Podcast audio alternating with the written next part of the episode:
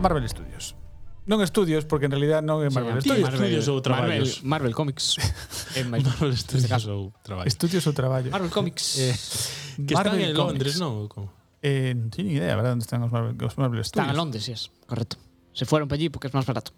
O, o tema que nos trae mm, por aquí hoxe é falar de cómics e finalmente cada un trouxe un cómic que lle gustaba moito Mm, eh, sí. E coincidiu que a liña pois foi a final de Marvel, un pouco por contamina por contaminación do MCU, pero en realidade traemos cómics moi especiais. Sí, sí un pouco, especiais. Un pouco de todo, sí. E bueno, que especiais, eso se pensan eles, pero non. Ui, a ver, eu eu estou de acordo co meu cómic. No, o que eu o que eu traio tampouco non me pareceu super especial, o sea, está está ben, pero sin máis. Está ben, está ben. Bueno. Sí. Pois eu vou falar um, como de quedamos en que mm, imos facer por orden de publicación. Sí, cronolóxico. cronolóxico vamos a comparar as datas, datas de publicación. O en concreto o meu é do 94. Eu creo que de O 2021, meu saliu, vamos a ver, 2001. Entonces, 94, 2001, Elois, o teu saliu en Pois... O sea, a data de... Eu falo da data de publicación das historias, non do, sí, non do, do tomo. Tomo no, no, saliu no, historias, historias, claro. historias, historias. Historias, historias. Mm, 2021, sí. Bueno, pois Soábame entón, sí. como xa mm, sabíamos, aquí o vello do lugar pois comeza, porque o vello do lugar sempre vai a cousas máis bellas. Estamos dando un misterio, no, bueno, sí, ¿no? Sí. Bueno, eu viño a falarvos de, de unha historia um, alternativa, vale, que se chama Marvels, eh, de Marvel. Claro, dices tipo, Marvels, claro, ah, ¿por, claro. qué, ¿por qué os Marvels? Bueno, En realidad esta é unha historia, digamos, eh, é unha condensación de toda a historia de Marvel, dos, dos heróis de Marvel, uh -huh. vale?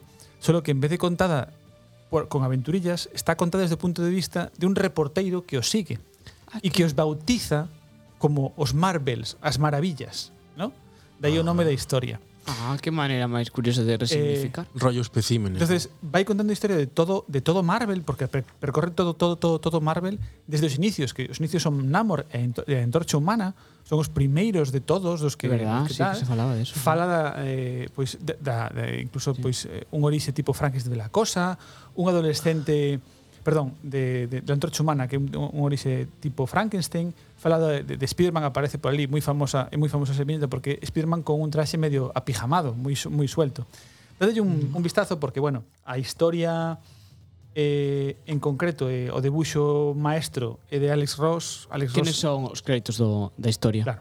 O, o debuxo, bueno, o, o, o debuxo é de Alex Ross e o guión, a historia en sí é de Alex Ross e Kurt Busiek. Ambos os dous son maestros, eh, en concreto Alex Ross ten dúas obras capitais eh, deste estilo. Eh, Roseo Dibuxante. O, Roseo Dibuxante. O dibuixante E, e, bueno, veredes que ten un estilo mm, inconfundible, preciosista e cunha serie de, de, de, de, de guiños no de guiños a, a todos os niveis de arte e de cómics eh, Que curioso o dibuixo, verdad? Sí e tamén fai como un documental, ¿no? Sí. Sí, ten un y... rollo, sí, un tono moi, dif moi diferente, sí. Y ah, despois, arranca nos anos 30, claro, como as historias... Efectivamente. Ajá. E despois eh, tamén traballou na, na distinguida competencia en DC e eh, fixo a, a, a grandísima historia Kingdom Come, que por certo é outra da, sí. Eh, é outra maravillosa historia. Coñezo, sí. Eh, entonces, bueno, é un cómic moi especial primeiro porque para o que non está habituado ou adentrado nos cómics, é unha historia distinta, é unha historia moi unha narrativa moi especial desde un punto de vista externo, entonces todo se fai máis accesible porque non entra xa de, de golpe en 70 anos de historias. Está moi ben, estas ¿verdad? historias que, que podes coller, claro. Uh. E dache un background general que, sí. vale, sabes que non é o, o estado actual de, de, de Marvel, pero coñeces os orixes, ves guiños, mm. eh, coñeces relacións e tal. Eh, Y en concreto, bueno, a historia está muy bien porque relata eso, a vida de este periodista que pasa de ser un periodista, eh, un reportero de rúa, que basicamente se queda maravillado, literalmente maravillado cos, cos heróis, e vai, eh, e vai nos seguindo facendo fotos, el mantén unha posición, ao principio os heróis están demonizados, ¿no? Porque que si son bosses son malos, foi unha época bastante eh, controvertida, Ah, falábamos de que hubo unha época na que os cómics estaban denostados en moitos, en moitos Sí. sitios, que eran unha, unha malísima influencia, etc. etc. Mm. E este señor, pois, eh, el Como os videoxogos ahora.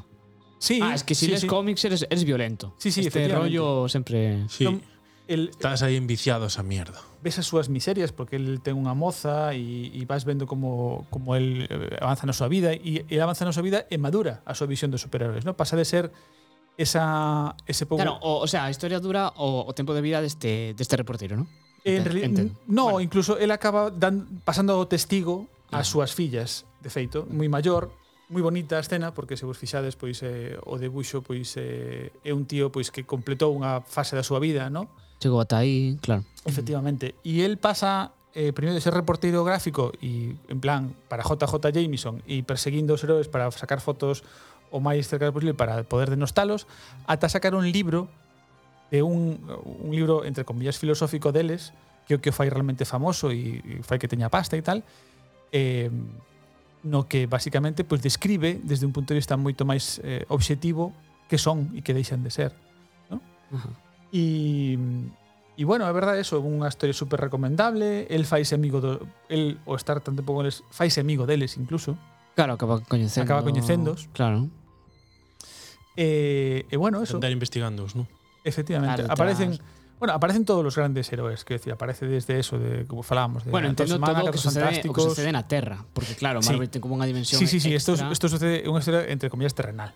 Claro, vale. Muy terrenal porque o protagonista é terrenal. Bueno, digo porque Marvel é facilmente meter unha nave e o lando sí. a, a, a Asgard, sabes? Pero bueno. Entonces, claro. os X-Men, que volven a uh, ser... Uh, que, que impresionante imagen de tormenta estamos vendo. Sí. Que temos os cómics aquí ah, presentes. Ah, xente non o ve, pero sí. Eh, sí, sí. sí, sí, sí. Pero, bueno, eu sacobolo porque quero buscarvos as reaccións, non? Un pouco así de mm, as reaccións O que dá a sensación chunguillas. de debuxo teu dese tomo, porque estou vendo, dá a sensación de que cada mm, viñeta é como unha fotografía. Eh, Entonces, cada viñeta é unha obra de arte. Realmente, o sea, Entonces, no, o digo ala, no, no sentido ala, lo que ala. Eu digo Ala. no sentido no que encaixa Venga. con este rollo do, do reportero, Es Decir, entonces sí. ten eh. como unha relación estética. Aí teño cosas que decir, pero vale.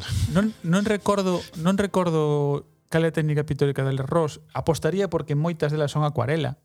O sea, e é un tío que eso que que que cada viñeta lle dedica un tempo extraordinario e un nivel de dedicación brutal, o sea, podedes podemos velo Que nos non quere decir que, cada viñeta sexa unha obra de arte. Son dos cosas diferentes. Eh, bueno, neste caso está recoñecido universalmente como un dos maiores artistas eh, do, do, do cómic. Ah, bueno, pero Eh, decir, ese é un dato indiscutible del. eso.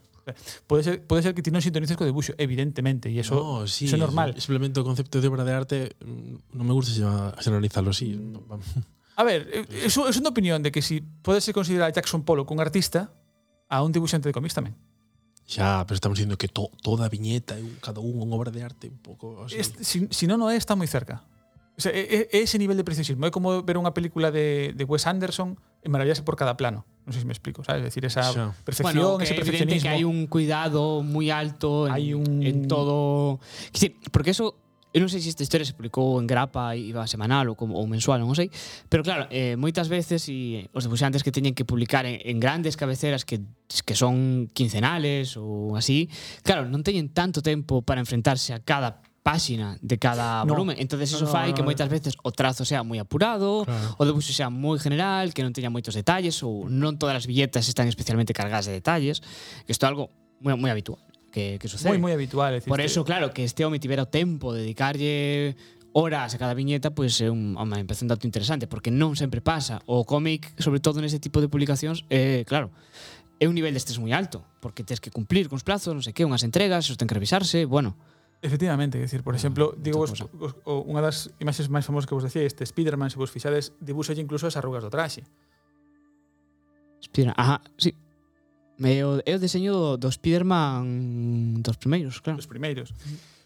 E bueno, sí, evidentemente eu estou sendo un pouco eh, extremista na miña declaración porque para min é, eh, é eso, é decir, unha obra de arte no sentido de que toda viñeta ten o suficiente número de, de, de elementos eh, tanto complicados como narrativos como expresivos que bueno que denotan que é unha dedicación altísima que solamente neste tipo de obras se poden ter nestes obras. Cal era o ano de publicación desto? No 94. 94, vale.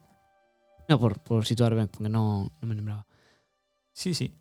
E, e bueno, este eh, é o meu cómic, non sei se vos xurden algunhas dúbidas sobre el, ou mm. fun o suficientemente lambecús de Alex Ross como no, para eu, que non... Eu eh, pensaba que, que encaixa, encaixa moi ben co, co meu, Así que involuntariamente ten, ten sentido que vaya agora. a verdad. Veña.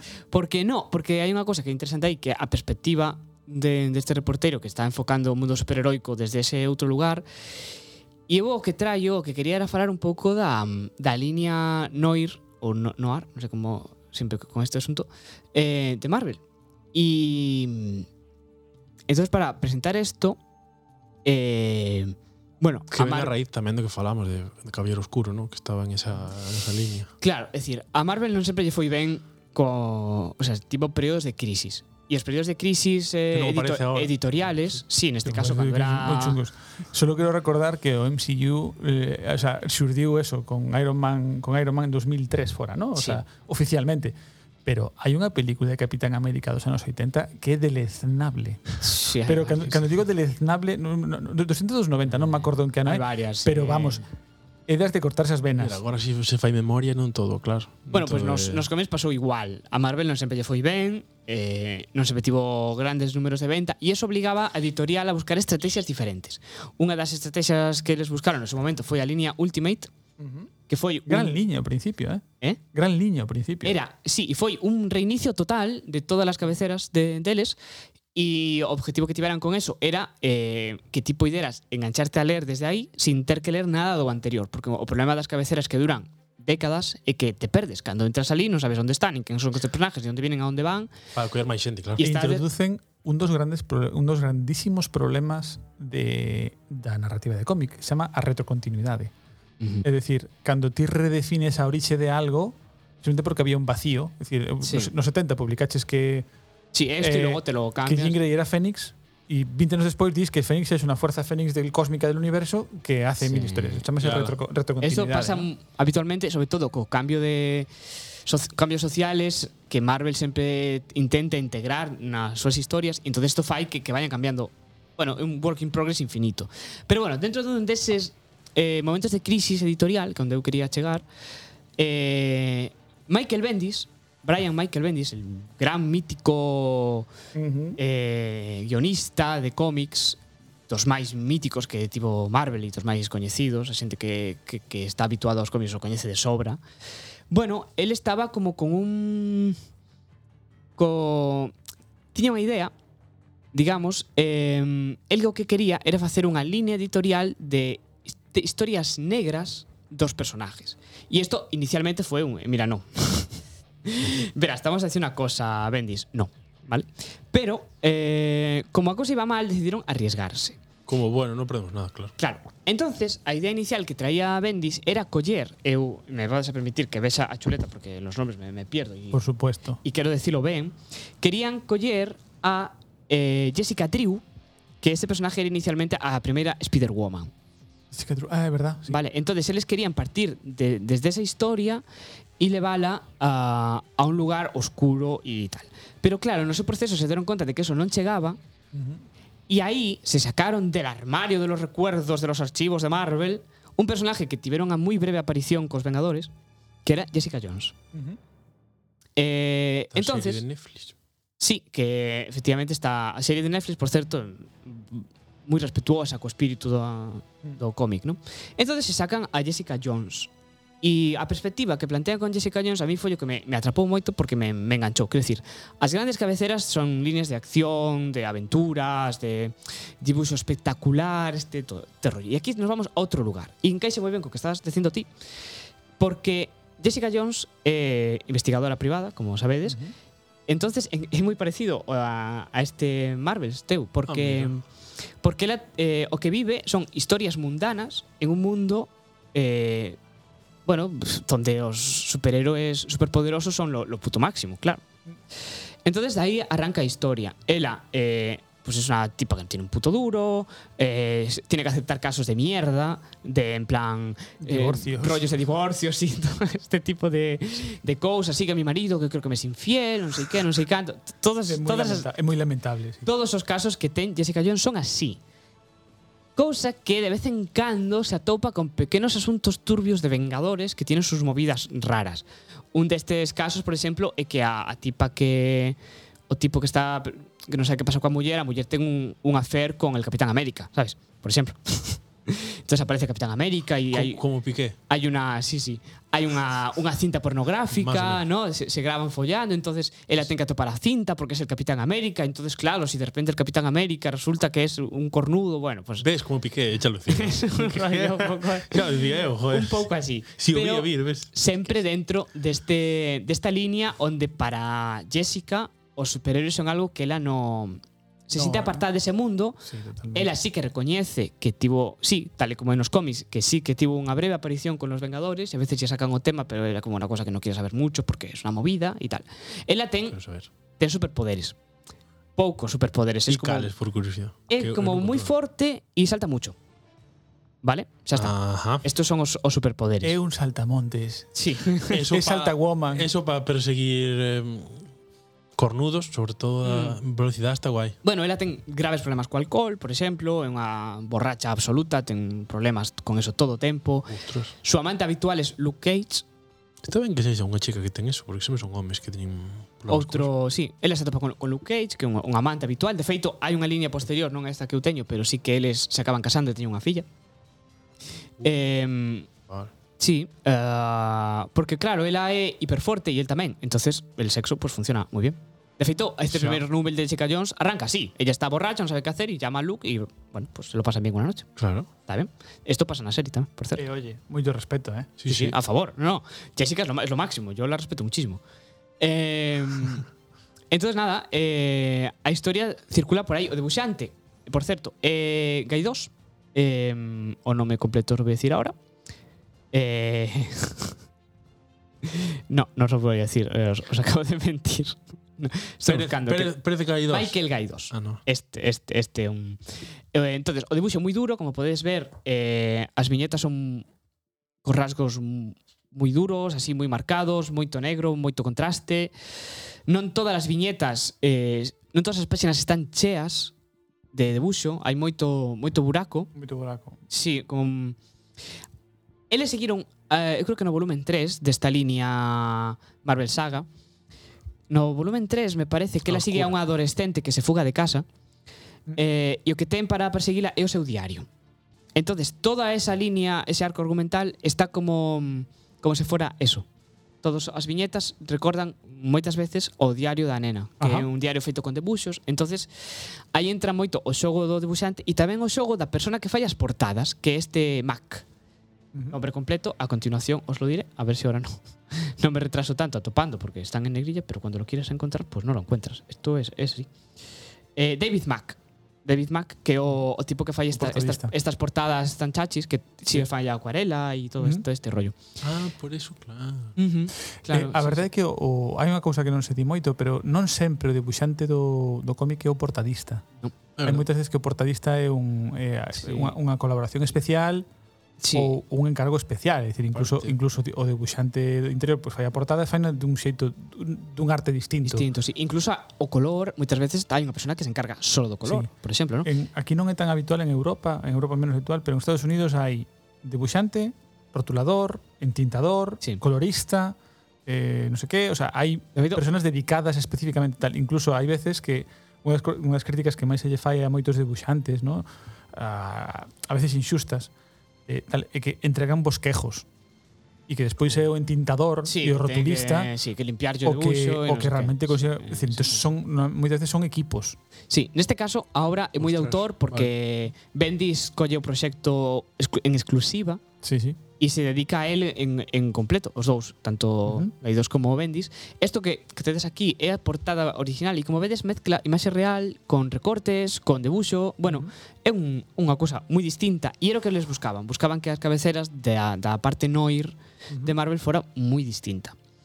Eh, eu recomendo moito Jessica Jones, pois son historias así, se percibe o mundo superheroico desde outro lugar e é moi interesante. E o que quería eh, traer a maiores un pouco encaixando con isto, pero no, é unha historia alternativa que se fixo de Spiderman. Spiderman. El Spiderman Noir, que isto é, é, única, é un what if, casi, eh, aparece na, este personaje aparece na peli de da animación, da de sí. Spider-Man into the sí, Spider-Man. É un, é un universo, eh? Quer dizer, aparece en máis sitios, de feito no. O personaje aparece máis, sí, sí. pero bueno, a uh... Que ni se parece Spider-Man.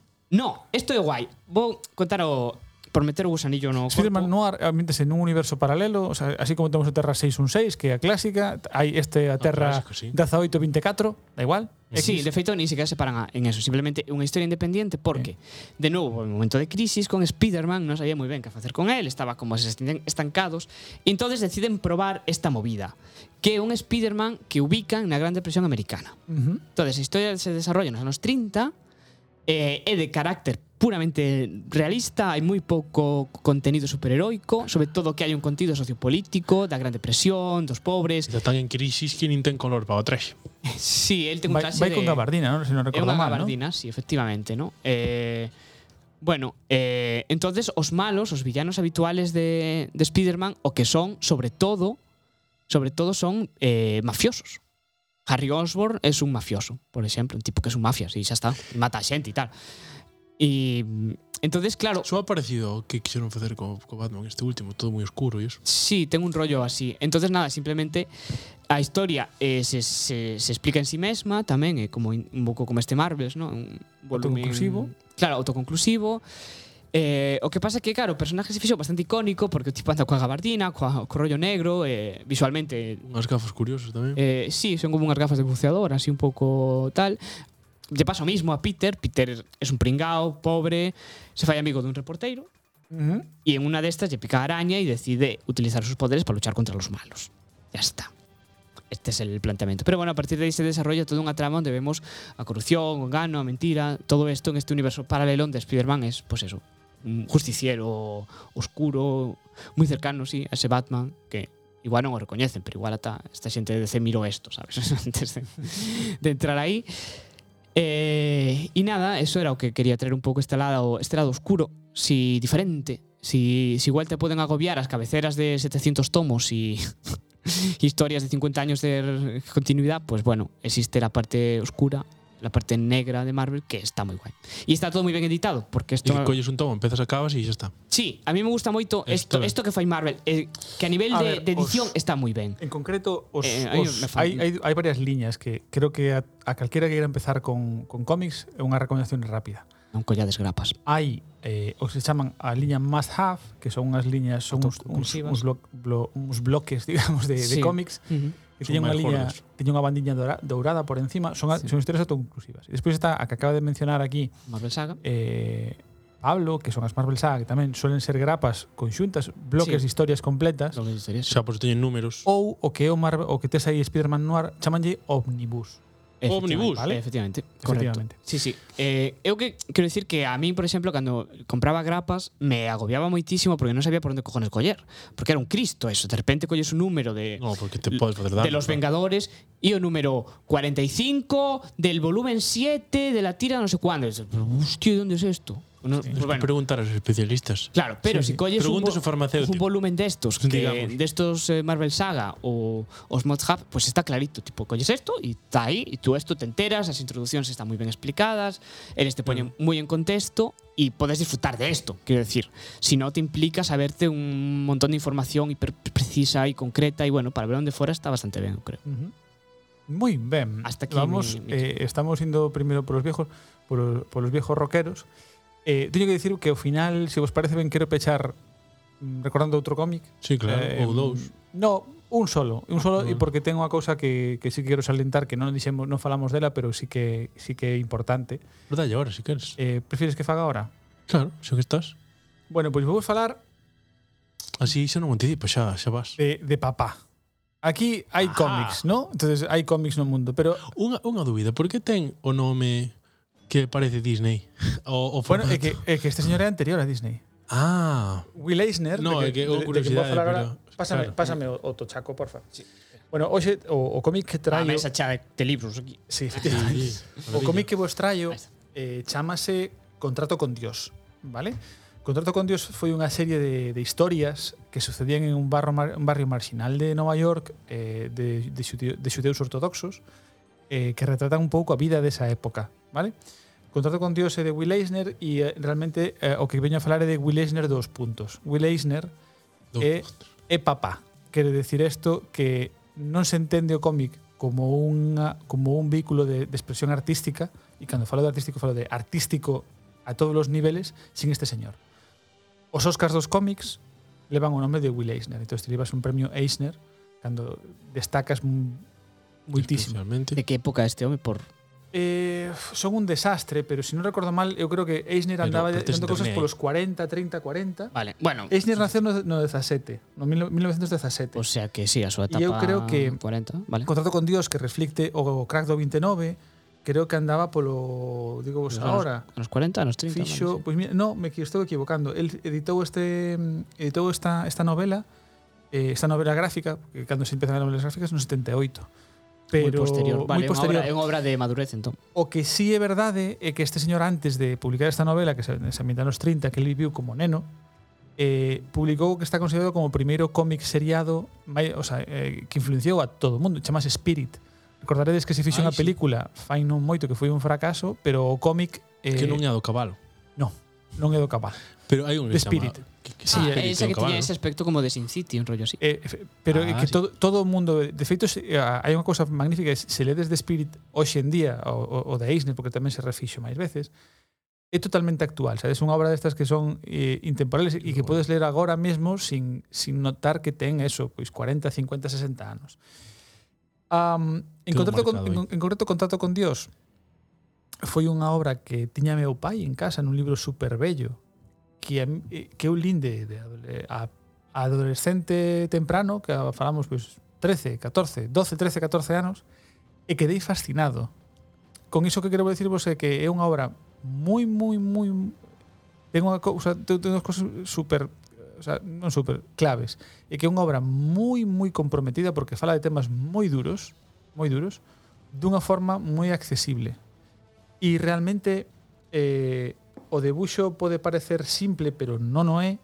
É un debuxo totalmente en branco e negro, bueno, aquí en branco e gris, ¿no? digamos. Branco e negro, sí. Eh, moi contrastado e son historias durísimas, durísimas, dándole un vistazo. E bueno, como Eu vos quero lelo, ves. Eh, eh, el collo, porque que merece a pena todo o que hai ali eh, todo o que fixo Eisner destacable e en concreto Contacto con Dios é unha, é unha obra culmen. Ten tres historias, ¿no? Sí. Ese volumen, la trilogía. Ten máis historias, en realidad todo sucede no mismo barrio, eh? digo porque aparecen mm, sí. aparecen Eso eh, por parte solo, entonces. Ten é que non, non é que sexa unha gran historia, son historias pequenas que suceden no mismo entorno. Ah, vale. E, e bueno, solo decir, isto empataba un pouco co de antes porque mm, comentar que Marvels en concreto levou os premios Eisner, Alex Ross levou o premio Eisner por o mellor portadista e mellor debuxante. Uh en concreto. Ah, por ah, este. Ah, vale. Por Marvels, sí. Ah. Isto dase todos os anos ou como é o... Dase todos os anos, sí. Ah. Levou o, o, o Eisner a mellor serie limitada, o mellor debuxante e a mellor portada. Que isto como se si levas o mellor película, o sea, mellor película, mellor actor e, e mellor guión. É un... Mm. Eh, portada ben bonita. É algo, é algo guai que DC tamén fai, non? Que moitas veces lle dá como personajes a autores uh -huh. e poden crear a súa historia personal de, sí. sin necesidade de, bueno, pues de, de, de, de encaixar dentro das sagas ou, ¿no? Eso está guai e se agradece, joder, hostia, de DC podemos pensar en David Moore, ¿no? eh, Alan Moore, Alan, perdón, Alan Moore. que fixo, joder, Alan Moore pode facer o que queira.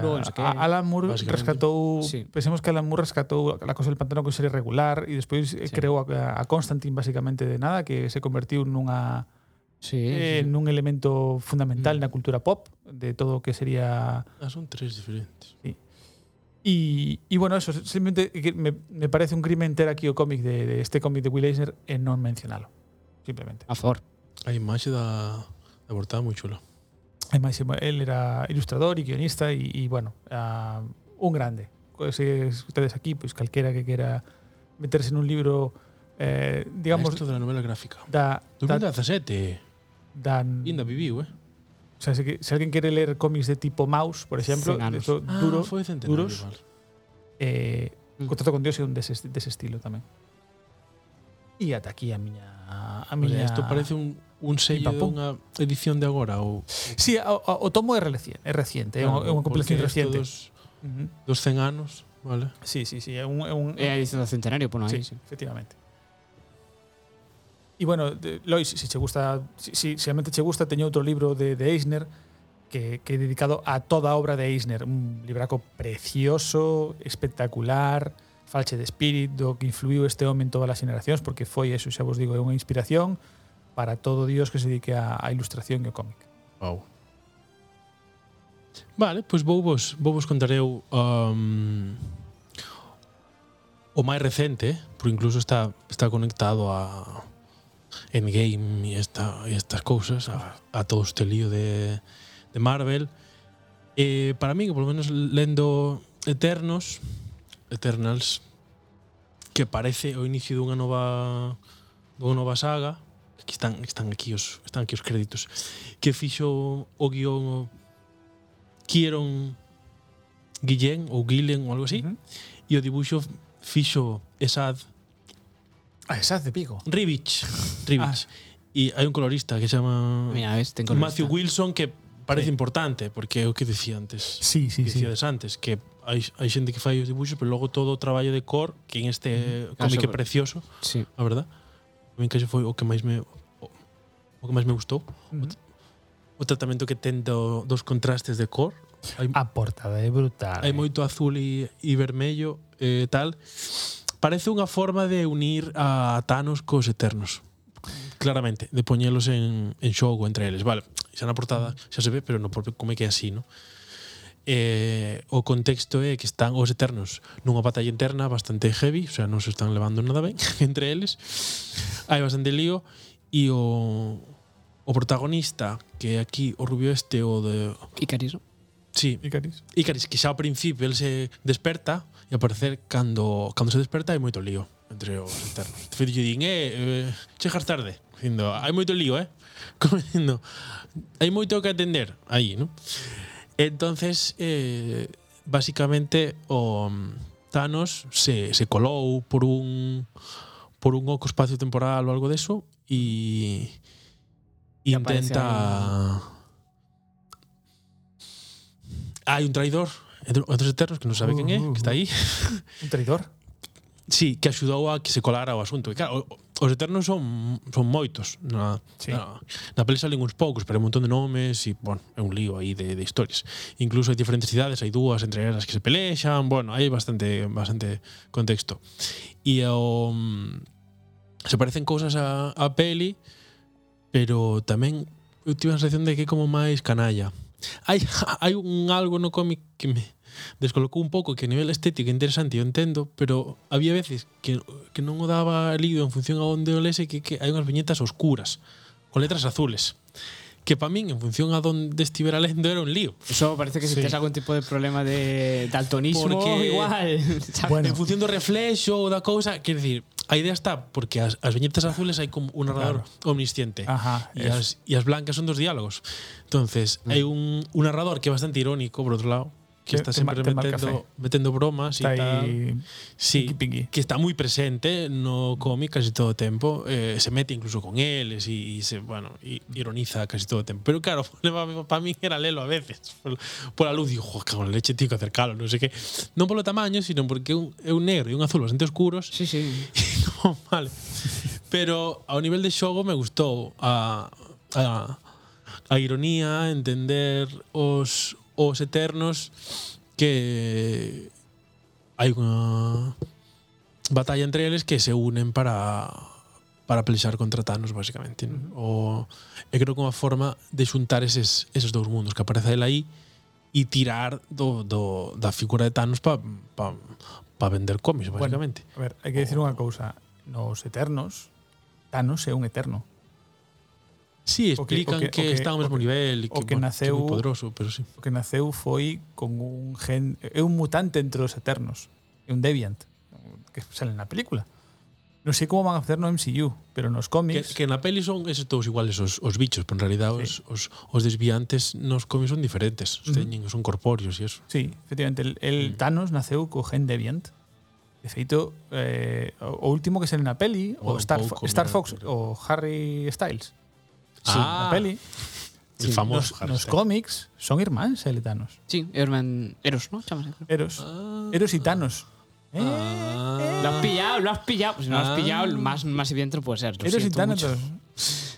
Tengo que tengo que. No, no vou. Claro, é que eso nos cómics pasa moito, que moitas veces se rescatan a través de movidas espaciotemporales, eh, magias e trucos, personajes que veñen de sabedes de onde e que, claro, na Igual si tes moi presente nas pelis que como máis lineal eso non pasa, igual Thanos, pues, non sei se sabemos se volverá a aparecer ou non, pero claro, nos cómics en calquera momento te traen un personaje de onde sea.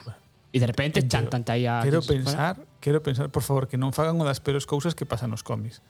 Que que a morte non signifique nada. Pois pues chámase, chámase, chámase Solo la muerte es eterna, o cómic. Joder. O sea, claro, no, eso ver, falaban de una, Eh, íbamos contigo un día no coche que escuitaba, estábamos escuchando un podcast, no sé si era Todopoderosos o así, que estaban falando de, de cuánto duraban muertos los superhéroes. Efectivamente. Y, y falaban que, que cuando mataron a Superman que duraron seis meses y fue una que, heroicidad. que foi a hostia, claro, foi, foi a puta hostia. Pensemos que creo que se pueden contar, non que hai, hai, hai héroes que morreron e morreron e punto.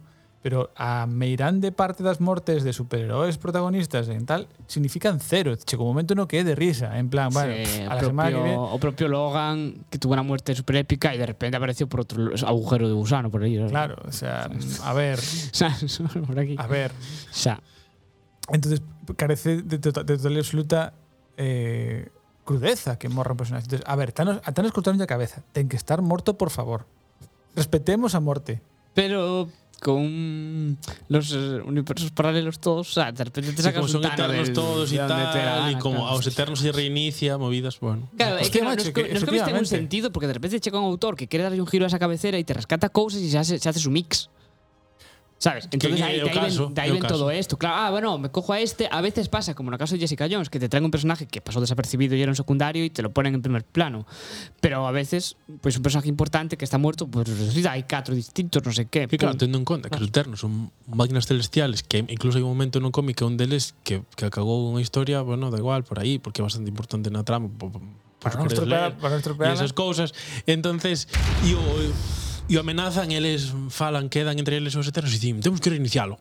Dicindo, sabes, como dicindo, ímolo castigar reiniciando. E el, no, que sí, me olvido todo. Vamos a reinicialo. Have you tried ah, to turn on hay que, hay que reiniciar a este maromo. E eu pensando, pare, parece, que fai? Dai un botón eh, oh, e o carallo, sabes? parece un importante informática, pero baches apagalo e encendelo de novo. Sí, como, dalle Windows, que, sabes, dalle a Windows.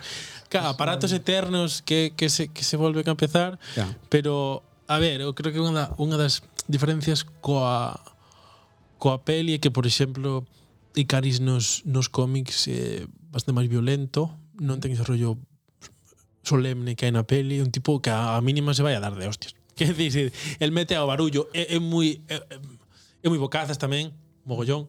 Quero dicir, mm, falan que é bastante inconsciente, quer dicir que é moi, é moi- é poderoso, pero pero que a mínima, ah, vamos a a non falar, eu quero meterme de hostias, basicamente, hai- ¿no? hai que decir, o sea, Digo, hostia, vale, vale. Aparte de que é un trasunto de esta cousa Superman, ¿no? O sea, aparte de un trasunto de Superman e tal, eh, realmente o que Medio me- X-Men, porque ten os rayos tamén pola, polos, polos ollos, sí, bueno, sí. é que, é, Tamén, que- parte. a- que en, cando vi a película, no primeiro que pensei foi en Homelander de The Boys.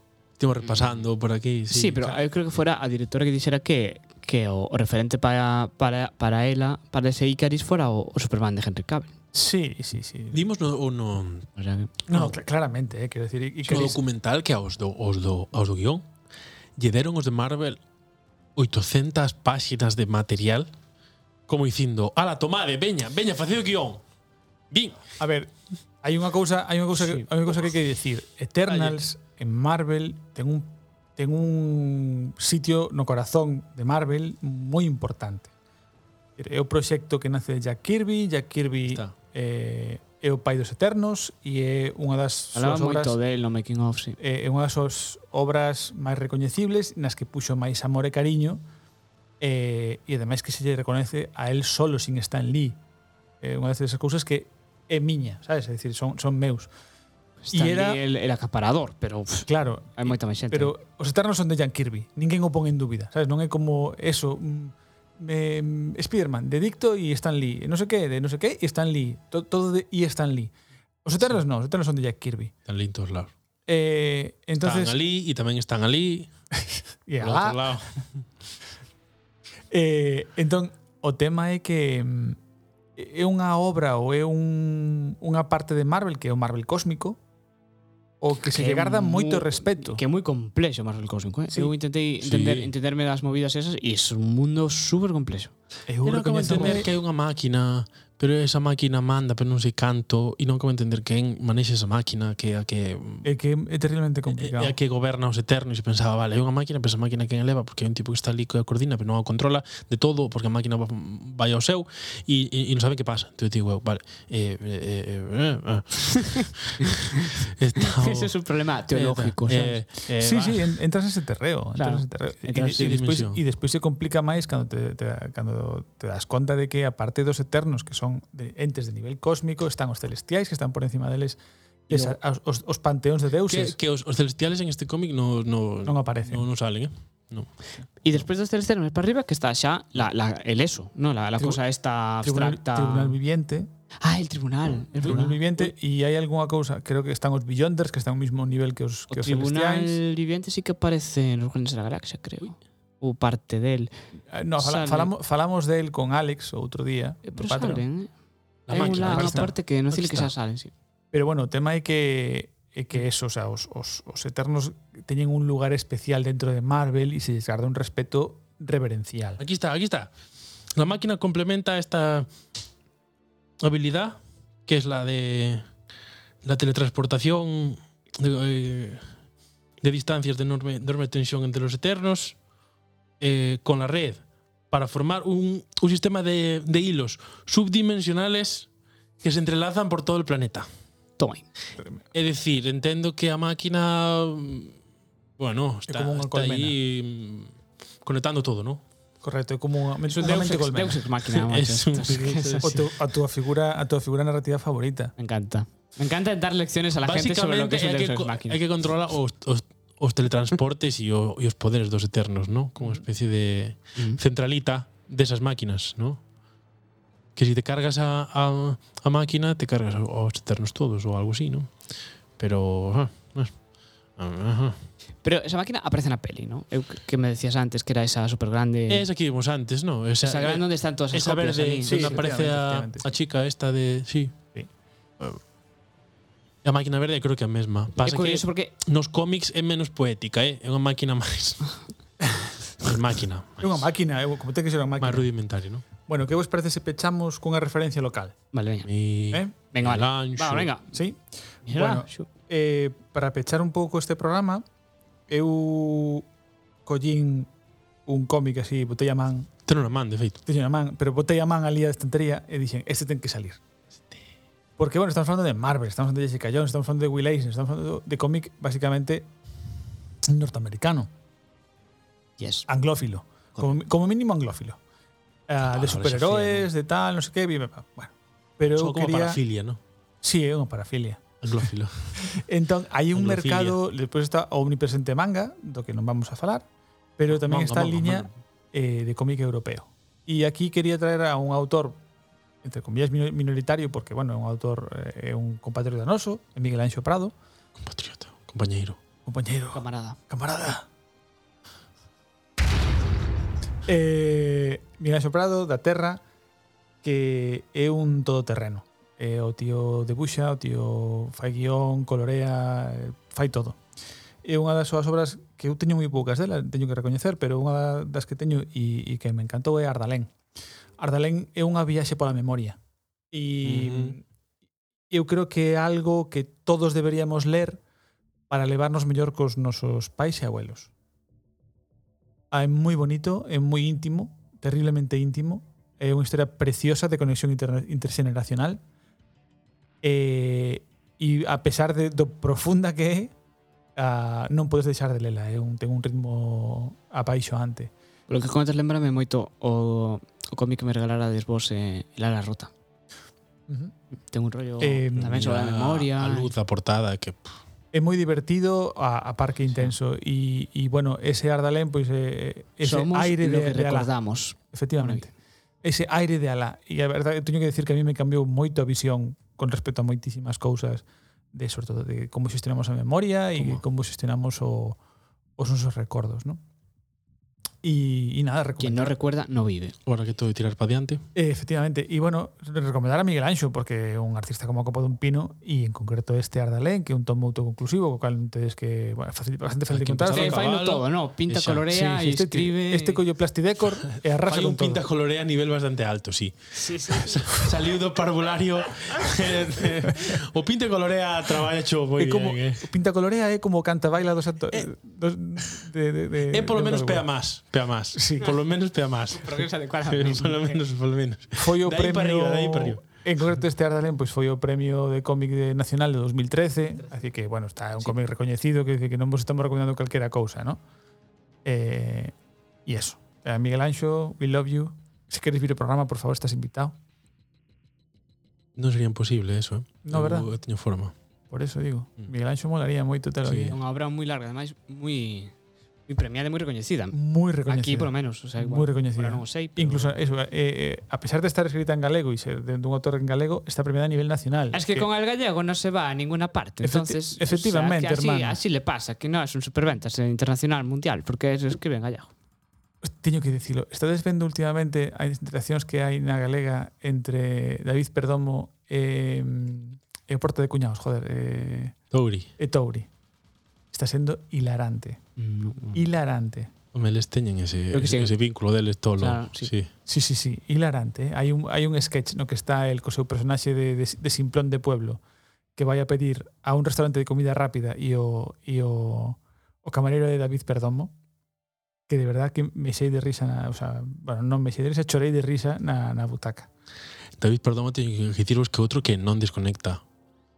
Hai dous tipos de artistas ou os, os que están sempre igual, como como se chamaron Cohen, e os que teñen os dous lados. Touri é dos que ten os dous lados, porque Touri é tímido sí. e logo se transforma e Perdomo, non.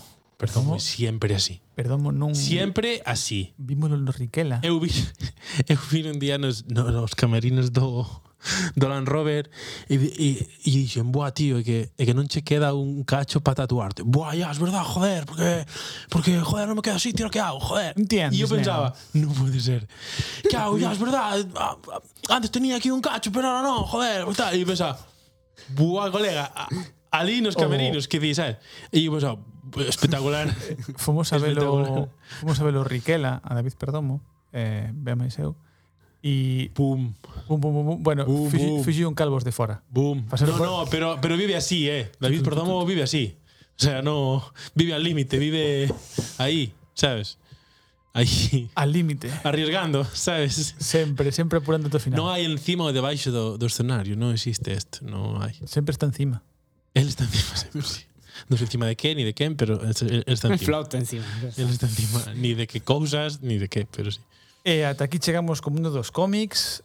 ¿Mm? Esperamos que vos gustaran. Eh, é un mundo que merece a pena no que merece a pena entrar, aínda que Lois non está de acordo comigo, siguen sendo obras de arte. Bueno, eh, é un debate. É un debate, un debate, un debate aberto. Haiche moito onde escoller Hai, o mundo do cómic, eh? O mundo do cómic, digo, o, sea, o mundo do cómic o suficientemente grande para que haxa bazofia e haxa obras de arte, igual que en todas las É un mundo maravilloso. La vida pode ser maravillosa, Ay, como, como votamos de menos a Montes? Esto ¡Hasta próxima!